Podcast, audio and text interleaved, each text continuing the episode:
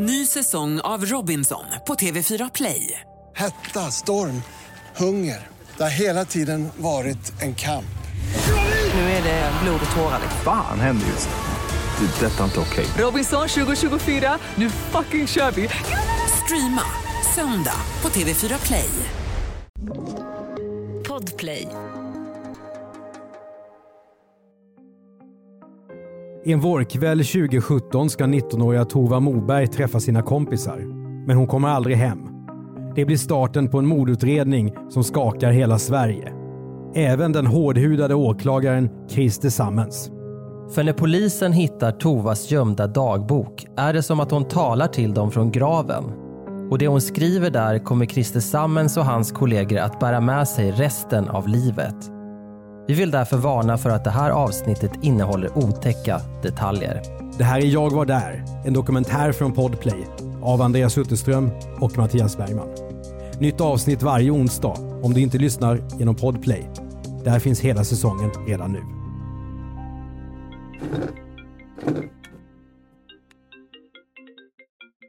Nej, jag pratar direkt i telefon. Vill jag ska ha hörlurar då? Det är inte hela världen. Jag har i fickan.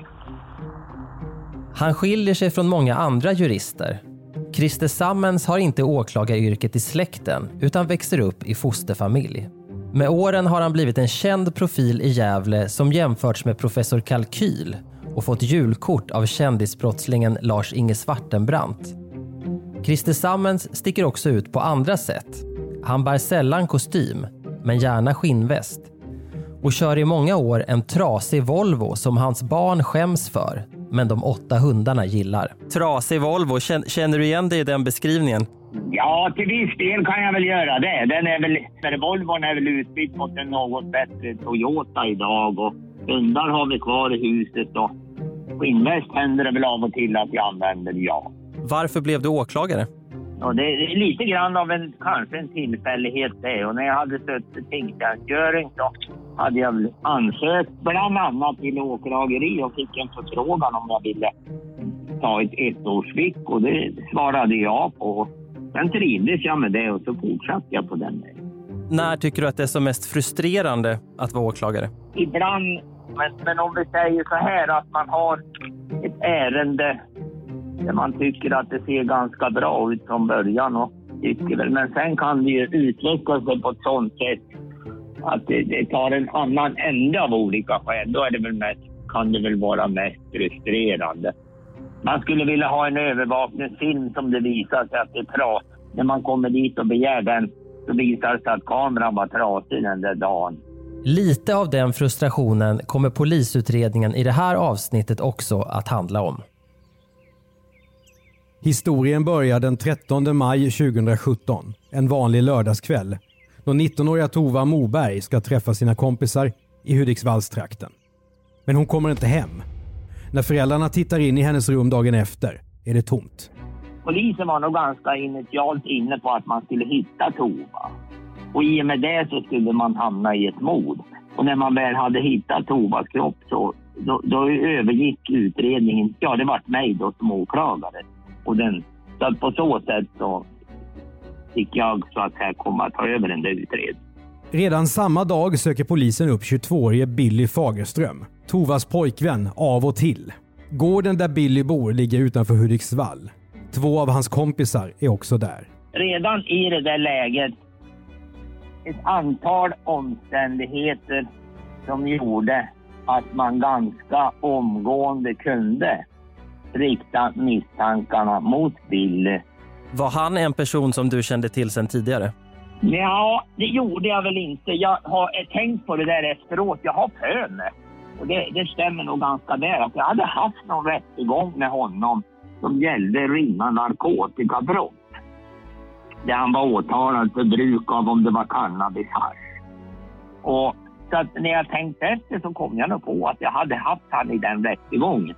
Nu var ju det ett sånt mål så att det är inte ett mål man lägger på minne egentligen. Men när jag började fundera så kom jag nog på att jag, han hade varit, ja han var åtalad för det i det sammanhanget. På gårdsplanen, en decimeter ner i marken, hittar polisen blod. Vilken är din uppgift då som förundersökningsledare i ett sånt här tidigt skede i en utredning? I det där läget då, att säga, så har man ju väldigt intensiv kontakter då med poliser och de utredare då som är utsedda att ha det här ärendet.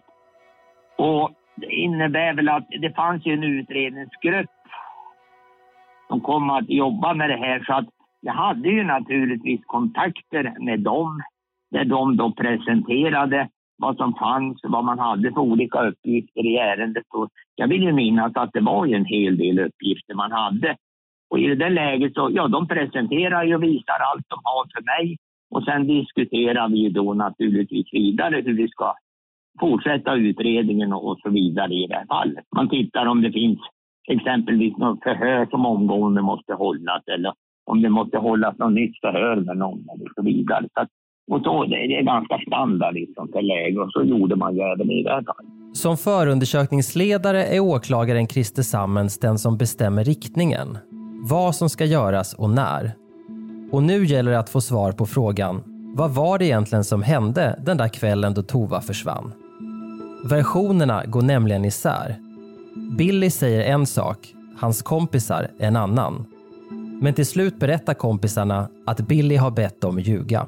Här gick vi ju så att säga verkligen till botten med varenda omständighet som, som vi kunde så att säga vände på varenda sten vi hittade som gick att vända på. Jag kan ju ta som ett exempel, det fanns ju en uppgift från en pojke från Medelpad som från början hade trott sig se Tova på en hamburgerrestaurang två på natten. Det här ledde väl till att polisen, vi fick genomföra 10-20-tal förhör och vi fick ta bilder och liknande. Och bara för att verkligen vara på det klara över att detta inte är en korrekt uppgift. Tovas skolfoto sprids snabbt i medierna och det här blir en av 2017 års mest uppmärksammade nyhetshändelser. Mediaintresset som förelåg i ett sånt här fall var väl inte negativt ur utredningssynpunkt. Det snarare gav fick nog människor kanske att träda fram och inte vara rädda för att berätta vad de kände till. Alla tyckte det var oerhört graverande det som hade inträffat. Och, ja. Tovas kropp hittas i en sjö nära Billys gård, 22 meter ut i vattnet. Den är placerad på en skottkärra. Där finns också en fälg Förmodligen ditsatt för att Tovas kropp snabbare ska sjunka mot sjöbotten. Runt skottkärran och fälgen har det lindats ståltråd och silvertejp. Det är så noggrant gjort att ståltråden till och med trätts genom skosnörenas hål i Tovas skor. Obduktionen visar att Tova Moberg utsatts för strypning. Men dödsorsaken är en annan. Minst 20 slag med en hammare, de flesta mot huvudet. Mordvapnet hittas på sjöbotten i närheten av skottkärran. Runt kroppen finns ett bärband med lyftögla. Polisens teori. Tova skulle bara ligga där tillfälligt, sen flyttas. Av vem? Billy. För det är han som blir huvudmisstänkt för det brutala mordet. Och vad fick ni för bild av Tova och Billys relation när ni hörde vänner och släkt och så? Från början hade vi väl inte sån ganska naturligt så visste vi väl inte allt för mycket om det. Vi hade väl fått in uppgifter, vill jag minnas, från kanske de var föräldrar och anhöriga. Och förstod ju att de hade haft en relation. Vid den där tidpunkten skulle de inte längre ha det. Men samtidigt fick vi väl klart för oss att Ova hade ju varit hemma hos Piller den här aktuella natten också. Så att, ja, det var väl ungefär så vi förstod det då. Mm. Men sen började det ju klarna lite mer och mer och vi förstod att de hade haft ett flerårigt långt förhållande. Och sen kommer det ju fram allt mer och vi hör föräldrar och vi hör hennes bekanta och skolkamrater. Billy svarar på alla frågor i förhör, men nekar till brott. Det var ju så här om man tittar på utredningen, när det hade kommit en bra bit in i utredningen och vi hade så att säga fått klart för oss. Billy hade ju då högst ett antal olika tillfällen. Och han hade ju lämnat uppgifter i den här utredningen där man, om man säger så här, när man tittar på de uppgifterna så kunde man väl konstatera att objektivt sett, sett isolerade, kan inte vara sanna eller rimliga det han säger. det var väl ganska uppenbart för alla att han ljög. Och när man då betraktar en person som är misstänkt för ett mord, lämnar sådana uppgifter som inte är korrekta, då kommer man nog fram till att hans trovärdighet är noll. Det finns mycket som pekar på att Tova mördats av sin pojkvän. Blodet på Billys gårdsplan visar sig komma från henne. Tejprullen, vars tejp har använts för att surra fast henne vid skottkärran, hittas i pojkvännens köksskrubb. Och så berättar Billy om skickade sms och mobilsamtal som det inte finns några spår efter. Men det går inte att rent tekniskt knyta hammaren, skottkärran eller kroppen till Billy. Så även om allt pekar mot honom är det inte säkert att bevisningen håller i domstol. Då händer något som skakar om hela utredningen. Vi hittade dagboken och då började vi klarna mer och mer med bilden. Man fick läsa då, jag vill minnas att det var dagboken och att det fanns även så kallade chattar vill jag minnas. Ja, mitt under utredningen hittar polisen Tovas dagbok. Den har legat noggrant gömd i hennes rum och missats av polisen. Hon har också sparat chattar mellan sig och Billy. Och det är otäck läsning. Chattarna är fulla av svartsjuka, hot och hat. Även om Christer Sammens jobbat som åklagare i många år är det här något som sticker ut. Jag menar, jag reagerade väldigt starkt över just det där momentet. Och man läste det där vad som hade skrivits och hur han hade uttryckt det till henne. Ja, det, det fick de mig att reagera en hel del. I en av chattarna har Billy bland annat skrivit “När du fyller år ska jag spotta dig i nyllet”. I sin dagbok har Tova bland annat skrivit så här. Och det är inte hennes egen röst vi hör nu, utan en inläsning. Han säger att jag kommer dö. Jag vill inte dö. Det är så fucking orättvist. Jag vill inte dö för något han har gjort. Om jag överlever sommaren drar jag direkt. Jag är rädd hela tiden. Jag vågar knappt gå ut. Jag vill inte prata med en. Jag vill inte se honom igen. Men jag tror att han kommer döda mig. Just den där skrivningarna och det här sättet som han uttryckte sig till henne. Det gjorde mig ganska bestört i det här sammanhanget, det minns jag. För jag tyckte det var oerhört tragiskt. Det måste jag säga när jag läste det där. Va? Det, det påverkade mig faktiskt, även om det vanligtvis inte brukar göra det. Men i det fallet gjorde det. Jag vill inte leva så här. Men jag vill inte dö för honom. Han ska ej få styra mitt liv och välja om jag ska finnas eller inte. Han säger att om jag gör slut så dödar han mig. Jag vågar inte chansa. Det hon beskriver är ju någonting som sedermera inträffar. Så man förstår ju att hon verkligen på något sätt har redan förutsett sin egen död i det här sammanhanget. Det var ju det som var tragiskt. Och ja, det berörde mig. Jag minns när jag hade läst det där så blev jag... Den eftermiddagen var jag ganska... Jag blev lite grann deprimerad utav att läsa det där. Det händer ju inte så ofta eftersom man själv har stött på... Man har haft en hel del sådana här fall. Men i det fallet så kände jag så faktiskt. Jag var ganska deprimerad av att läsa och ta del.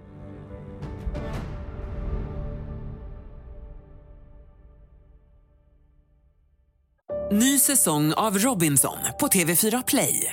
Hetta, storm, hunger. Det har hela tiden varit en kamp.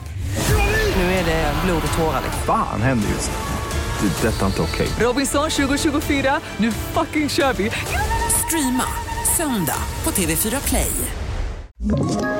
Ett poddtips från Podplay. I fallen jag aldrig glömmer djupdyker Hasse Aro i arbetet bakom några av Sveriges mest uppseendeväckande brottsutredningar. Går vi in med hemlig telefonavlyssning och, och då upplever vi att vi får en total förändring av hans beteende. Vad är det som händer nu? Vem är det som läcker? Och så säger han att jag är kriminell, jag har varit kriminell i hela mitt liv men att mörda ett barn, där går min gräns.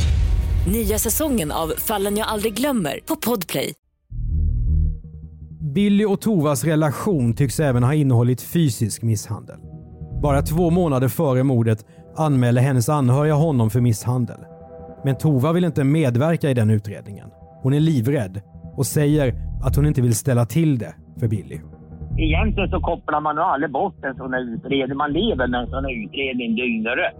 Åtminstone gör jag det. Mm. Men, men det behöver inte vara något negativt på så sätt. För att många gånger så kanske man... Ja, man, man stöter och blöter den här även på fritiden och funderar runt saker och ting. Och jag minns ju att under semestern, jag hade ju semester även då, var ju på sommaren då. Så jag satt faktiskt och läste. Jag fick ju förhören med Billy. Det var långa dialogförhör som jag, jag läste då under semestern. Jag ägnade någon timme varje dag under semestern och läste del av förhör som hade hållits med. Så att jag var aldrig helt frikopplad från utredningen. I polisförhören har Billy förklaringar till allt. Ofta så långsöka förklaringar att det blir löjeväckande. Den ena versionen efter den andra motbevisas. Utredarna som förhör honom uppfattar Billy också som påfallande känslokall.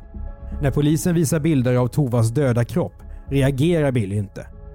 Och när utredarna läser upp utdrag ur hennes dagbok härmar han henne med tillgjord röst. Han var tämligen oberörd som vi uppfattade honom hela den här utredningstiden och hela den här häktestiden som var ganska lång. Så det är förvånande. Han trivdes ganska bra som jag fick den uppfattningen den tid han satt häktad. Det, var ju aningen förvånande. Åtta indicier, från blodet till hur Billys mobil rört sig, pekar mot honom. Oavsett vad han säger. Och allt det här leder så småningom fram till att ja, det, det, det, kan inte vara någon annan än han som har gjort det. Och här kommer ju naturligtvis även då motivbilden som vi la ner mycket på. Det var ju också en avgörande betydelse här. Blev du förvånad över att han inte erkände? Ja, ja, vi var nog lite förvånade över hur han hanterade förhör. Han hade, medgav väl att han hade haft ett visst narkotikamissbruk och lite sånt här. Och, och, men han hade väl aldrig varit, vad jag förstår, anhållen eller suttit hos häktad anhållen eller berövad friheten för något brott. Vi trodde ju åtminstone att han kanske skulle börja medge eller ändra Hundratals artiklar skrivs om Tova-mordet. Det som har hänt upprör hela Sverige. Och för de som bor i Hudiksvall, en stad med 37 000 invånare, kommer det hela otäckt nära. Det märker Christer Sammens i sin vardag. Jag bor ju själv i Hudiksvall. Här märker ju jag av att hur människor, det på något sätt alla, ja, jo, de flesta i boende i den här stan och kanske hela kommunen kände ju till och hade ju liksom följt med och, och visste vad som hade hänt. Och det kunde man inte undgå att märka själv när man rör sig i en sån här liten stad. Det är ju klart att som alla visste ju att jag var åklagare i det målet. Att det förekom ju att folk kom fram och pratade och jag menar sånt där och undra eller. Och sen väcker du åtal då i november eh, 2017. Blir det någon skillnad under en rättegång när ett, eh, ett mål är så här uppmärksammat eller är det business as usual från, från alla involverade domare, advokat och åklagare? Alltså det vore väl förmätet att sitta och påstå att det här att det inte är skillnad på rättegång till rättegång. Naturligtvis visst blir det ju alltid lite speciellt när det är en sån här rättegång som är så väldigt uppmärksammad. Mm. Det råder väl inget, det, är väl, det, det vore ju larvigt att sitta och säga något annat. Att man dels skärper till sig och dels allting kommer att processas, bearbetas, läggas fram. Att alla frågor som ska ställas kommer att ställas och så vidare. Det är ju klart att man är ju förberedd kanske på ett helt annat sätt än man många gånger annars är i en sån här rättegång.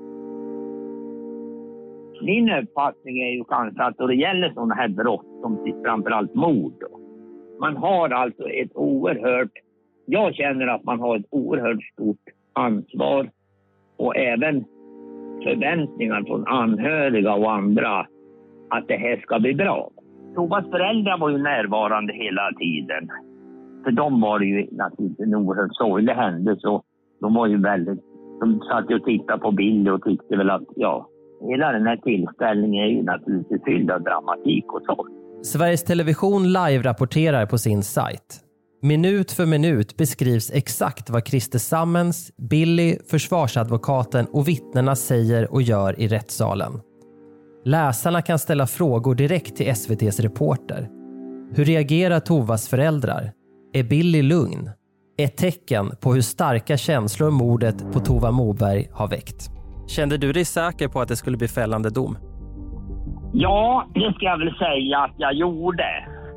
Det, alltså ofrånkomligt i sådana här mål så diskuterar man ju med kollegor, personer som man känner och som man har arbetat eller studerat med. I februari 2018 dömer Hudiksvalls tingsrätt Billy Fagerström till livstidsfängelse för mord. Och i domen finns formuleringar som man sällan hittar i svenska domar. Hanteringen av kroppen påvisar en känslokyla utöver det som vanligen kan ses vid mord. När man sysslar med den här typen av verksamhet som jag och poliser gör som sysslar med grövre brott. Naturligtvis påverkas man väl som person av det, vare sig man vill Jag vet ju inte, jag vill inte påstå att jag är en människa som har tappat tilltron till mänskligheten av den anledningen, men jag har väl den uppfattningen att det finns ingenting som egentligen inte kan hända eller är främmande för människor att göra. Var man än tror gränsen är nådd så är det alltid någon som sträcker den ännu längre. Billy Fagerström överklagar till hovrätten, vilket inte hjälper. Livstidsdomen står fast. Men rätten är inte enig. Ordföranden i hovrätten vill sänka straffet till 18 års fängelse. Om han hade fått med sig sina kollegor på det hade Billy kunnat vara en fri man efter 12 år.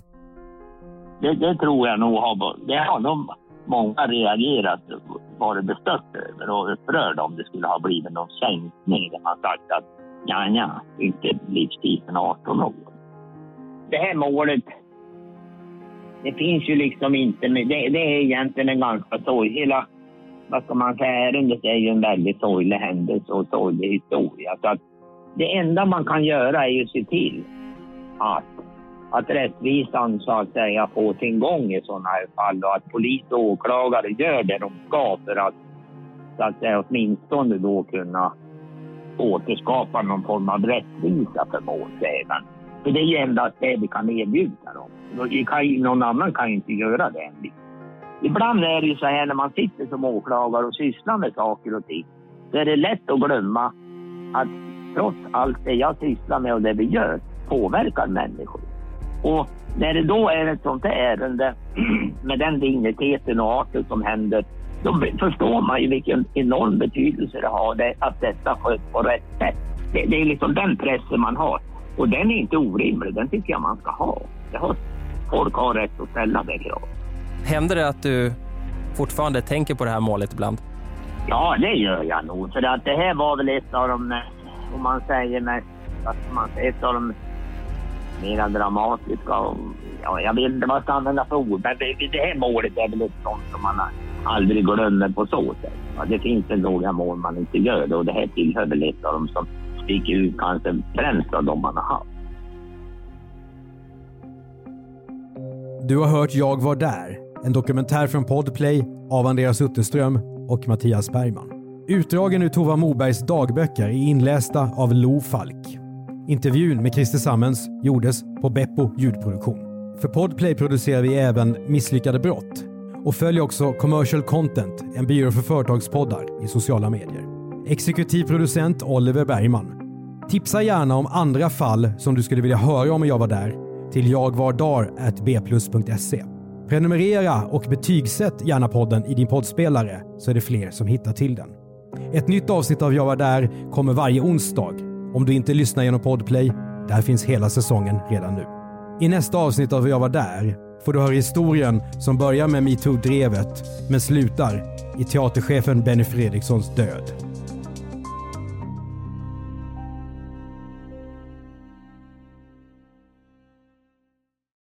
Ny säsong av Robinson på TV4 Play.